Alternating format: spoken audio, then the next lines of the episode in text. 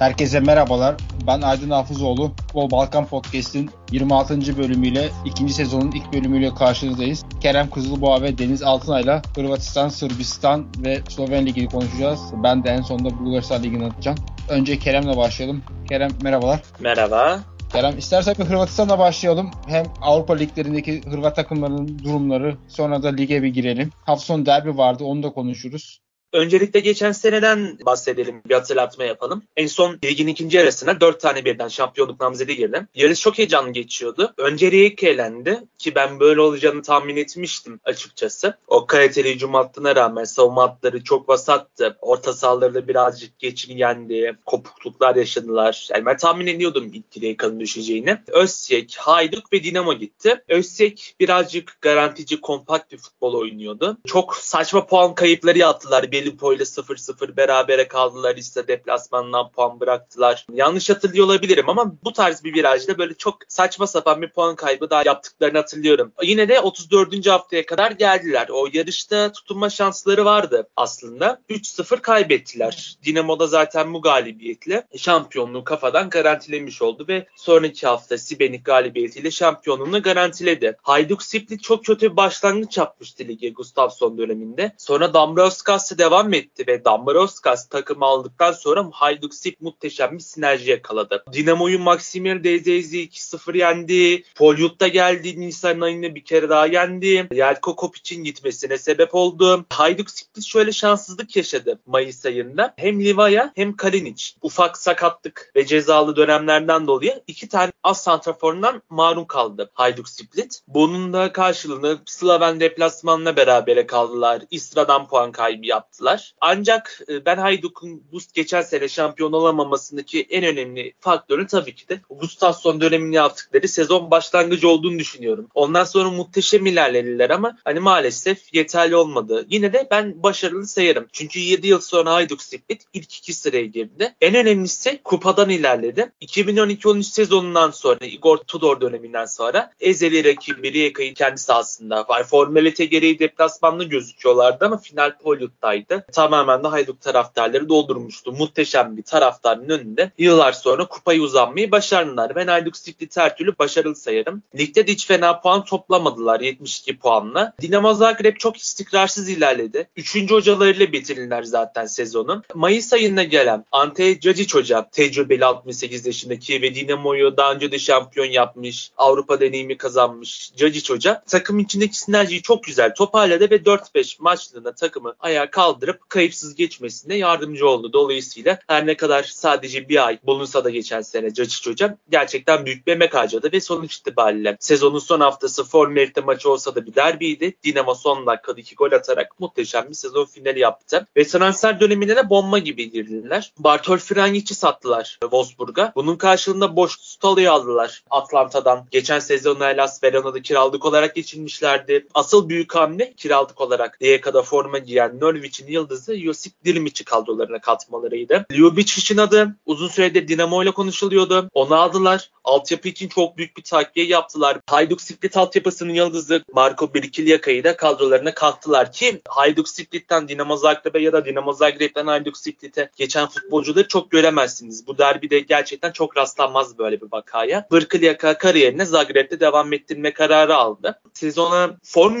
olarak kötü seriyle dönmediler. Bir, Cacic'in tercihleri çok tartışıldı. Orsic'i Ludogorets maçına ve derbide yedek başlattı. Mahir Emre'li hiç kullanmıyor. Dirmic'i hiç kullanmıyor. Menol'u hiç kullanmıyor. Spikic'le inat ediyor. Kötü adam değil ama Dirmic'in yanında Spikic'in de çok şey okunmaz yani. Petkovic'i bir yedek başlatıyor. Bombil'de sürüyor. Nitekim Şukobi maçında ilk maç 2-2 bitti. Dinamo kendisinden çok daha zayıf bir takım yenemedi. Ludogorets'e karşı ilk maç 2-0 kazanmış olabilir deplasmanda ama Romaş'ta rakibi 8 kişi kalmasına rağmen 2 gol yediler. Savunma zaafları hala devam ediyor. Hiçbir şey olmadı. Boşko Şutalo hamlesi de bir şeye yaramamış gibi. Bodo Glimt maçında asıl bu çok tartışıldı. Çünkü Dırmiç'i aldı ama Santrofor'a koydu. Orsic kanattı. Petkovic ve Mahir Emleri kesilmiş. Yani gerçek bir forvet de başlamadı. Ljubic sağ bekte başladı. Çok saçma bir tercih. İki tane altı numara. Ademi ile Misic. Yani Bodo Glimt topu kaptan kaleye gidiyor. Kanatlardan geliyor. Çünkü sağ bekte Robert Robert Ljubicic var. Nitekim gerçek bir forvet olmadığı için Orsic'e rağmen, Dönmic'e rağmen, kaliteli ayaklara rağmen üretken olmakta da zorlandı. İkinci yarıda Petkovic ile Mahir Emreli'yi aldı ama birazcık geç kaldı. Sonuç itibariyle 1-0 kaybetti. Lige bakıyorum. Bir seriyle başladı. Varaj yine berabere kaldı. Sonra derbide Hayduk Split'i 4-1 yendi. Hayduk Split birazcık yorgun çıktı maça. Zaten Sait'i kesti, Vukovic'i kesti. Kalinic yedekten başladı. Çok rotasyon yaptı. Yorgun çıktı. Çünkü Vittore Goemmayer ile çok zorlu beşleşmeye çıktı. 1-0 kaybetti. Toplam skor 3-2 bitti. Öyle tur atlayabildi Hayduk Split. Yani yorgun bir şekilde çıktı ve maçı rölantiye aldı. Yani Hayduk Split'in zorlu bir Avrupa maçından döndü ve Villarreal eşleşmesini daha çok düşündü. Bariz bir şekilde belliydi. Çok rölantide oynadı. Yine de daha verimli pozisyonlar buldu. Azam öz pozisyonlara girdi. İlk yarı 1-0 önüne kapattı. İkinci yarıda Dinamo Ademi ile öne geçti. 60. dakika. E, yine de Hayduk Split çözüldükten sonra farka gidebildi. Bu yüzden 4-1'lik skor gerçekten aldatıcı olabilir. Sonuç itibariyle Dinamo Zagreb lige yine lider başladı. Bu sene galiba yarış iki takım arasına geçecek. Çünkü Rijeka ile Osijek çok düştü. Rijeka zaten geçen sene lige 4 takım arasında en çok kablo atan takımdı. Ve çok kan kaybetti. Smolcic'i Frankfurt'a sattı. 22 yaşında olmasına rağmen katlamlar kadar yükselmişti Rijeka'da. Domagoj Pavic ve Robert Muric Konya Spor'a gitti. Zaten Muric'in devre arasından beri adı sürekli Konya Spor'la anılıyordu ve sonuçta bu transfer gerçekleşti.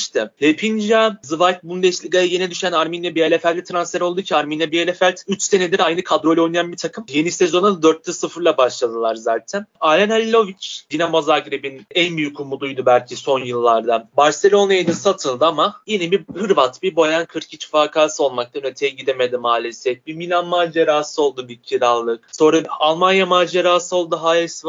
Bir adaya gitti, Birmingham'da oynadı. En son Rindik'ten de 26 yaşında yolu Rijeka'ya düştü. Ve tabii ki de Doğa araya aldılar. Real Sociedad'ın B takımına. Bir de Beşiktaş'tan tanıdığımız Matej Mitrovic aldılar ama bunlar gidenleri pek yerini doldurmadı. Avrupa'dan erken elendiler. Dior Gardens İsveç ekibi. İki maçlı Rijeka'yı mağlup etti. Hiç zorlanmadan. Asıl çakımı ise Özsek yaşadı. Ligde 3 maçtır kazanamıyorlar. Avrupa'da Kazak takımını elendiler ki 2-1'in avantajıyla çıkmıştır o maçta. Kendi sahasında 2-0 kaybedip turu verdi. Özsek geçen sene bir çakılmıştı. Ligin sonlarına doğru yaptıkları kayıplar ki kesinlikle mental olarak bu maçların bittiğini düşünüyorum. Dinamo'yu 3-0 kaybedip havlu attılar. Kadrolarını yenilemediler açıkçası çok normal gibi Hayduk Split ise 4-1-2'nin rağmen fena başlamadı. Fena gitmiyor. Hayduk Split devam edecek bence. Geçen sene olduğu gibi yarışmaya devam edecek.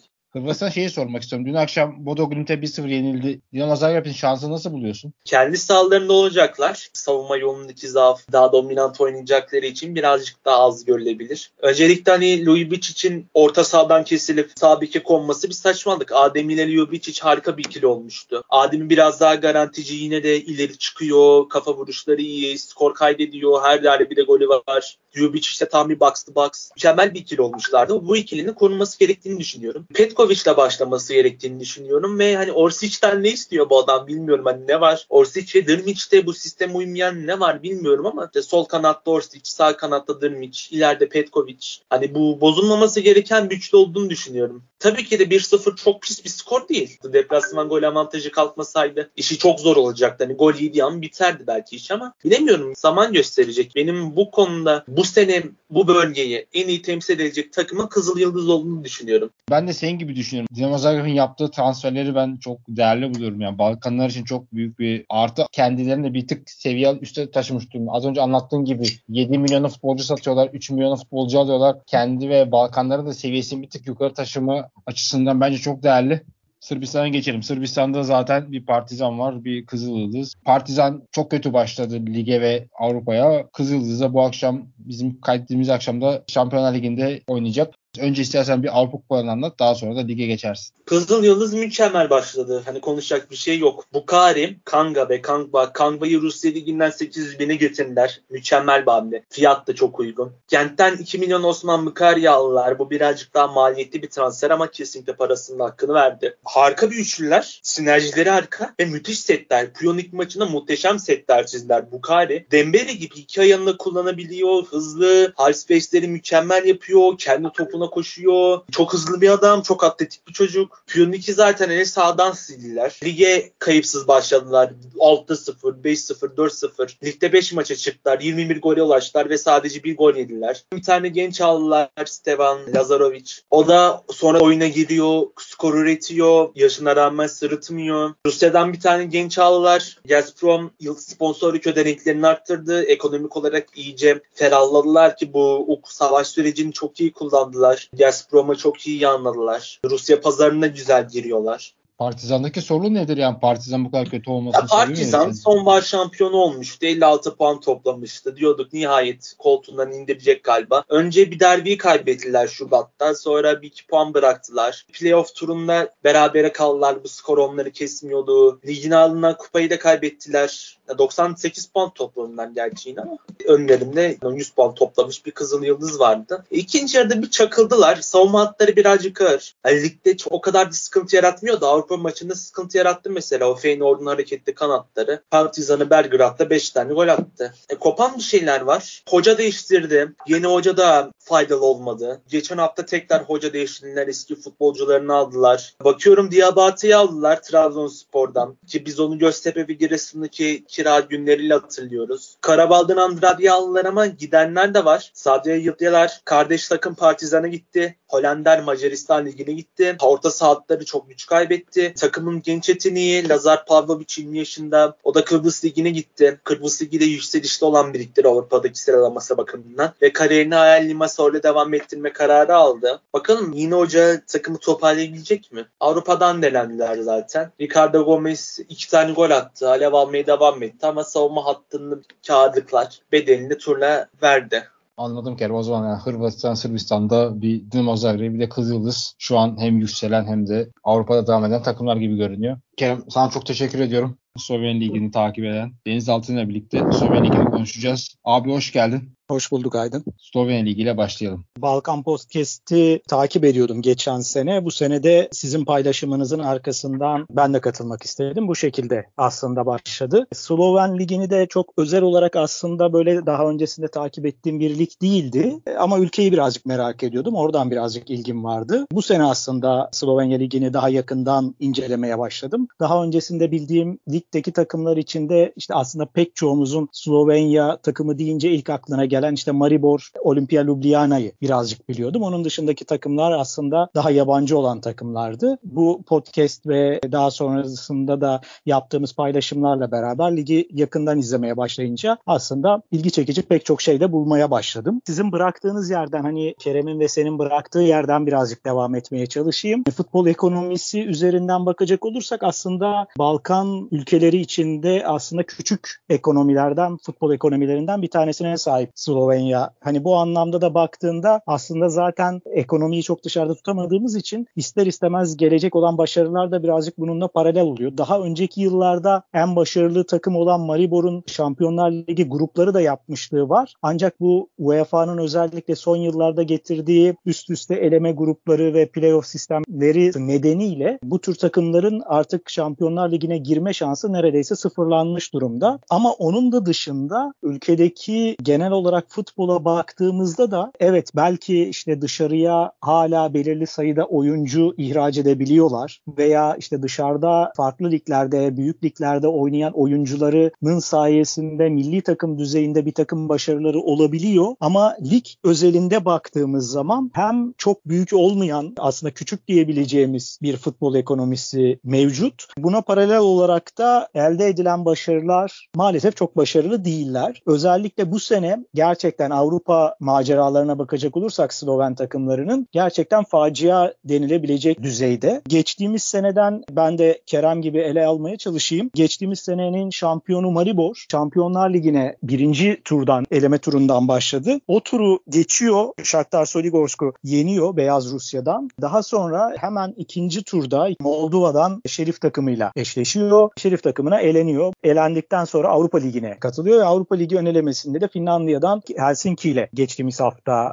son maçını oynadı. Ona da iki maçta da yenilerek bu sefer konferans ligini playoff turuna düşmüş oldu. Konferans playoff'unda da Romanya'dan Cluj takımıyla karşılaşacak ama Maribor'un özel olarak bu senesine bakacak olursak gerçekten son birkaç senenin belki de en kötü e, yılını ve belki de kulüp tarihinin en kötü başlangıcını yapmış durumdalar. Buna belki birazcık gelmek lazım. Maribor özelinde konuşacak olursak üst üste aldıkları 6 tane mağlubiyet var. Bu üst üste alınan 6 tane mağlubiyetin bir kısmı Avrupa kupalarında bir kısmı da ligde ama üst üste kulüp kurulduğundan itibaren böyle bir yani Slovenya Ligi başladığından itibaren böyle bir şeyleri yok ve bu anlamda kötü bir rekor kırmış durumdalar üst üste 6 mağlubiyetle beraber. Dolayısıyla hani onlar açısından kötü bir başlangıç durumu söz konusu. Olimpiyaya gelecek olursak Olimpiya Ljubljana'da konferans liginde başladı mücadelesine. Onlar da aslında diğer Sloven takımlarının olduğu gibi da başarılı bir Avrupa macerası sürdüremediler. Bu arada Olimpiya Ljubljana için şunu söyleyebiliriz. Türkiye ligini takip edenlerin çok yakından tanıyabileceği Albert Riera hem Galatasaray'daki oyunculuğundan hatırlayacağımız hem de daha sonrasında Galatasaray'daki yardımcı antrenörlük serüveniyle hatırlayabileceğimiz Albert Riera bu sene takımın başına getirildi. Ancak Albert Riera sezona oldukça zor bir başlangıç yaptı. Şu açıdan zor bir başlangıç çünkü takımın geçtiğimiz sene başında Robert Bosunecki vardı. Bu seneye başlarken de Robert Bosunecki vardı ki Robert Bosunecki'yi de hepimiz yine futbol sever olarak tanırız. Hırvatistanlı ünlü futbolcu. Aynı zamanda teknik adam olarak da Türkiye'de dahil olmak üzere işte Türkiye'de Kayseri Spor macerasından belki hatırlayanlar olacaktır. Çeşitli yerlerde çalışmış. Olimpia Ljubljana'nın teknik direktörlüğünü yaparken Olimpiya'nın başkanı Adam Delius'la ciddi bir anlaşmazlık içine giriyorlar. Bunun üzerine de Adam Delius Robert Prosinecki'nin görevini hiç beklemediği bir şekilde son veriyor. Taraftar grupları ciddi bir ayaklanma içine giriyorlar ve Albert Riana'nın sözleşme imzalayacağı basınla açık olan etkinliği Olimpia Ljubljana'nın ultra taraftar grubu olan Dragonlar, Ejderhalar bir protesto gösterisiyle basıyorlar. Albert Riera da bu anlamda kulüpteki görevine böyle bir zor başlangıç yapıyor. Hemen arkasından kulüpte yönetim bazlı skandallar ve problemler devam ediyor. Lüksemburg'da oynadıkları Avrupa maçlarının dönüşünde kulüp geri dönüşü de başaramıyor. Yani uçak bileti ayarlanamıyor. Uçak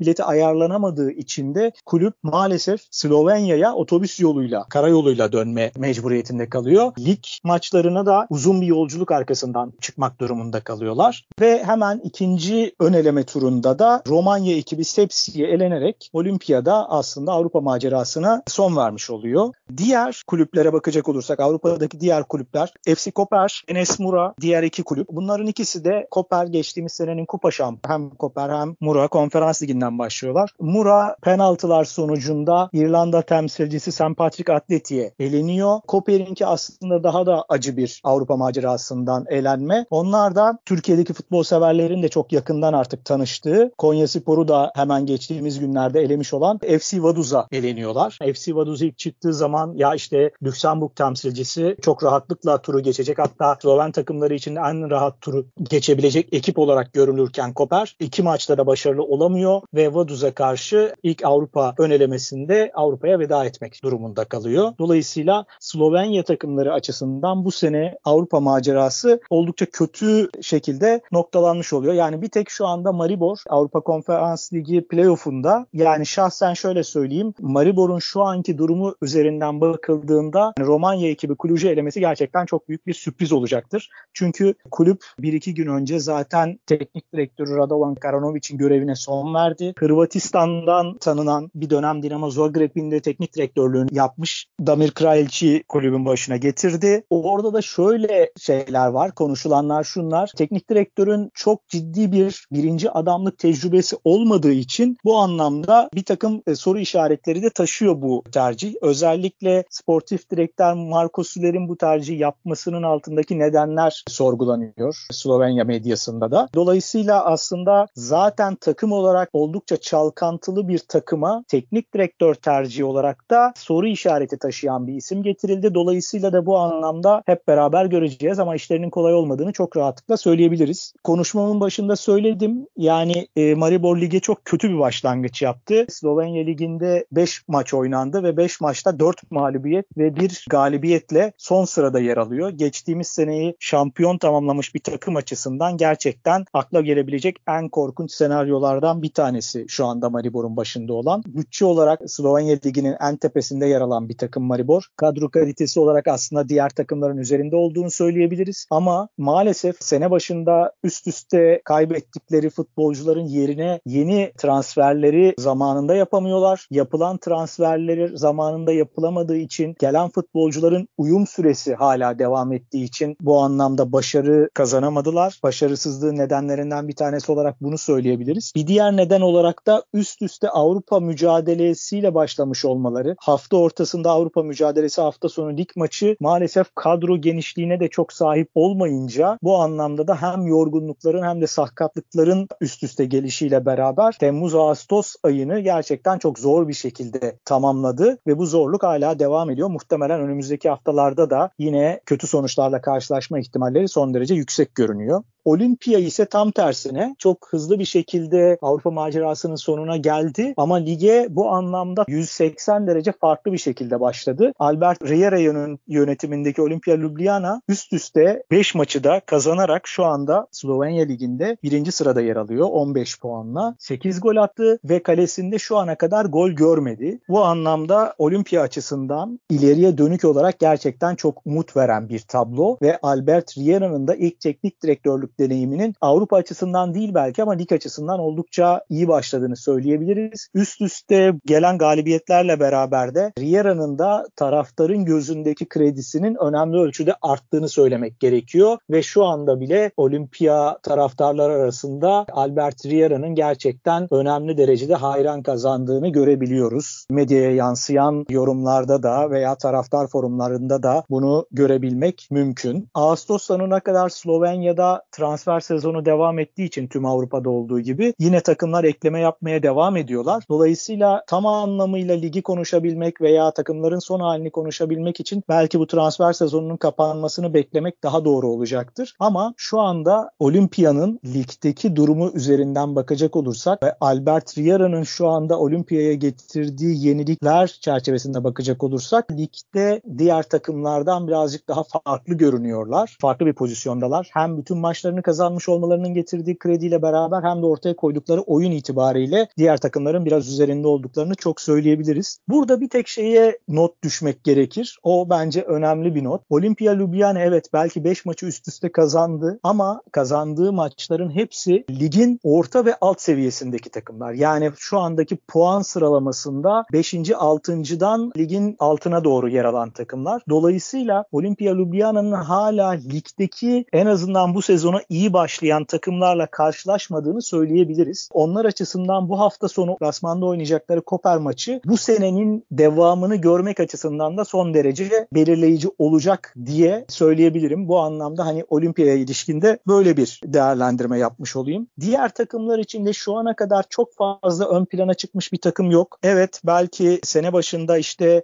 Celce gibi, Mura gibi takımlar bu seneki şampiyonluk mücadelesi içinde yer alabilecek takımlar takımlar olarak görülüyorlardı ama onlar da lige çok iyi başlayamadılar. Dolayısıyla şu anda hala takımların hem yeni kurmuş oldukları kadroların adaptasyon süresinin devam ettiğini görüyoruz ve yeni transferler de bu arada gelmeye devam ediyor. Dolayısıyla aslında Ağustos sonundan itibaren lige ilişkin daha net bir fikir edinmemiz mümkün olabilir. Sadece burada dediğim gibi Maribor'un böyle kötü bir başlangıcı hiç kimsenin beklemediği bir şeydi. Çok büyük sürprizdi. Zaten bunun sonuçları da hemen teknik direktör değişikliğiyle ortaya çıktı. Olimpiya'nın da bu kadar ciddi sorunlar ve bu kadar skandallar üstüne lige 5'te 5 ile başlaması gerçekten hiç beklenilmedik bir şeydi. Bu çerçevede de Albert Riera'nın önemli bir iş yaptığını söylemek gerekiyor. Ligin sonuna kadar bu anlamda şampiyonluğun en önemli adaylarından biri olacağı şimdiden aslında açık. Ben bir de çok ufak dipnot olarak şeyi söyleyebilirim. Lig başlangıcı açısından şaşırtıcı. NK Radomye'nin başlangıcıydı. Ligin aslında oldukça düşük bütçeli takımlarından bir tanesi. Bütün şu andaki Radomye'nin değeri 3 milyon 700 bin euro gibi bir çok çok düşük bir bütçeyle kurulmuş bir takımdan bahsediyoruz. Nermin Basic yönetiminde Radomye aslında bu haftaya kadar 4 hafta iyi sonuçlar aldı. 2 galibiyet, 2 beraberlikle geldi. Beklenmedik derecede aslında iyi bir başlangıçtı ki ilk hafta Maribor'u da deplasmanda 3-0 yenerek başladılar lige. Ancak onlar da bu hafta Koper deplasmanında 5-0'lık çok ağır bir mağlubiyet aldılar. Onlar açısından da ağır mağlubiyetin yansımasının nasıl olacağını ilerleyen haftalarda göreceğiz ama Slovenya Ligi'nin başlangıcı açısından Radomya'yı da belki bu anlamda ligin sürprizlerinden biri olarak değerlendirebilmemiz mümkün. Ee, diğer takımları isterseniz dediğim gibi sonraki programlarda daha ayrıntılı olarak değerlendirebiliriz. Senin sayende ligi takip edeceğim ki tüm dinleyicilere de Slovenya futbolunu Twitter'dan takip etmeni öneriyorum buradan.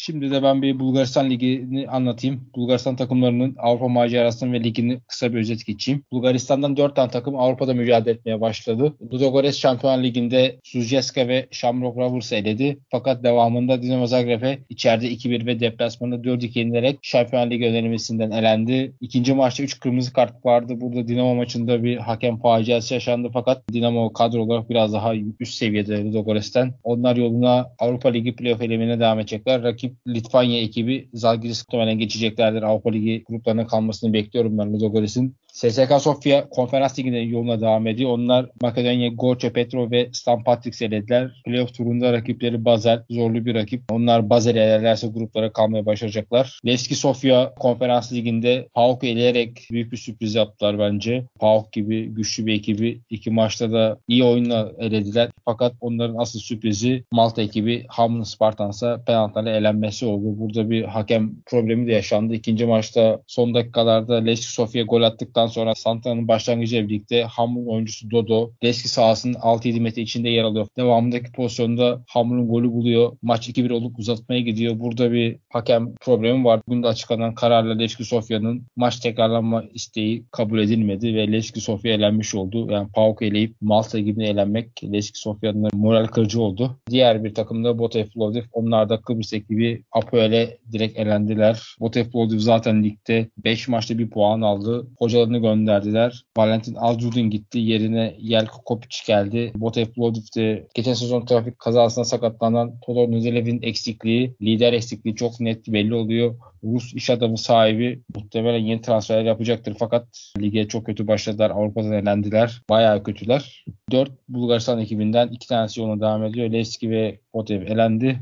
Şöyle de bir ligden kısaca bahsedeyim. Bulgaristan Ligi'nde 6 hafta oynandı. Çok eksik maç var. Avrupa Kupası maçları sebebiyle ligde bazı maçlar ertelendi. 6 maçta zirvede SSK 1948 var 14 puanla. İkinci sırada yine SSK Sofya 5 maç 13 puanla. Ludogorets şu an 2 maç eksiyle 4 maç oynayıp 10 puan aldılar. Onlar 5. sırada son şampiyon ve son 11 yılın şampiyonu. Bizim Türk bölgesinin takımı Arda Kırcalı lige iyi başlamıştı aslında. Fakat son 2 haftadır puan kayıpları birlikte 6 maçta 9 puan ulaştı ve şu an ligde 8. sıradalar. Ligi burada bitirseler bence kafidir. İlk onda kalsalar Arda adına başarı sayarım. Ve dediğim gibi diğer en büyük sürpriz bence Botev Plovdiv şu an 15. sırada 16 takımlı olduğu Bulgaristan Ligi'nin 15. sırada 5 maçta sadece 1 puan alabildiler. Gol krallığında Ivala Çoçev vardı 7 golle. SSK 1948'de nasıl hala devam ettiğini veya orada oynadığını şaşırdığım bir isim. İtalya yapmış tecrübeli Bulgar milli takım oyuncusu 6 maçta 7 gole ulaştı. Zirvede. ikinci sırada Brian Pereira var SSK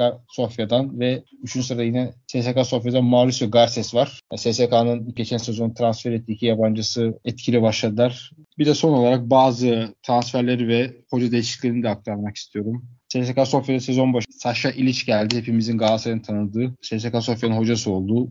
Arda Kırcal'de Alexander Tunç'e devam ediyor. Ludogorets'te Ante Şimunca devam ediyor Sloven Hoca. Ve transfer olarak da Ludogorets birçok oyuncusunu gönderdi. Santana gitti. Piris Soturiu Japonya'ya gitti golcüsü. Ludogorets orta sahayı ve hücumunda biraz eksildi. Daha şu ana kadar etkili bir transfer yaptıklarını söyleyemeyiz. CSKA Sofya'da yaz boyunca konuştuğumuz Jordi Caicedo Meksika'ya gitti Tigres'e. iyi bir ücrete Beşiktaş'a çok fazla adı geçmişti. Jordi Caicedo Tigres'i seçti. Onlar da onun yerine Haitili Nazon'u getirdiler ve benim çok merak ettiğim 20 yaşındaki Stanislav Šopov geldi Hollanda'dan Bulgar oyuncu. Çok merak ediyorum. İlk program için bu kadarlık yeterli bence. Yine bir dahaki podcastlerde tekrar görüşmek üzere. Hoşçakalın.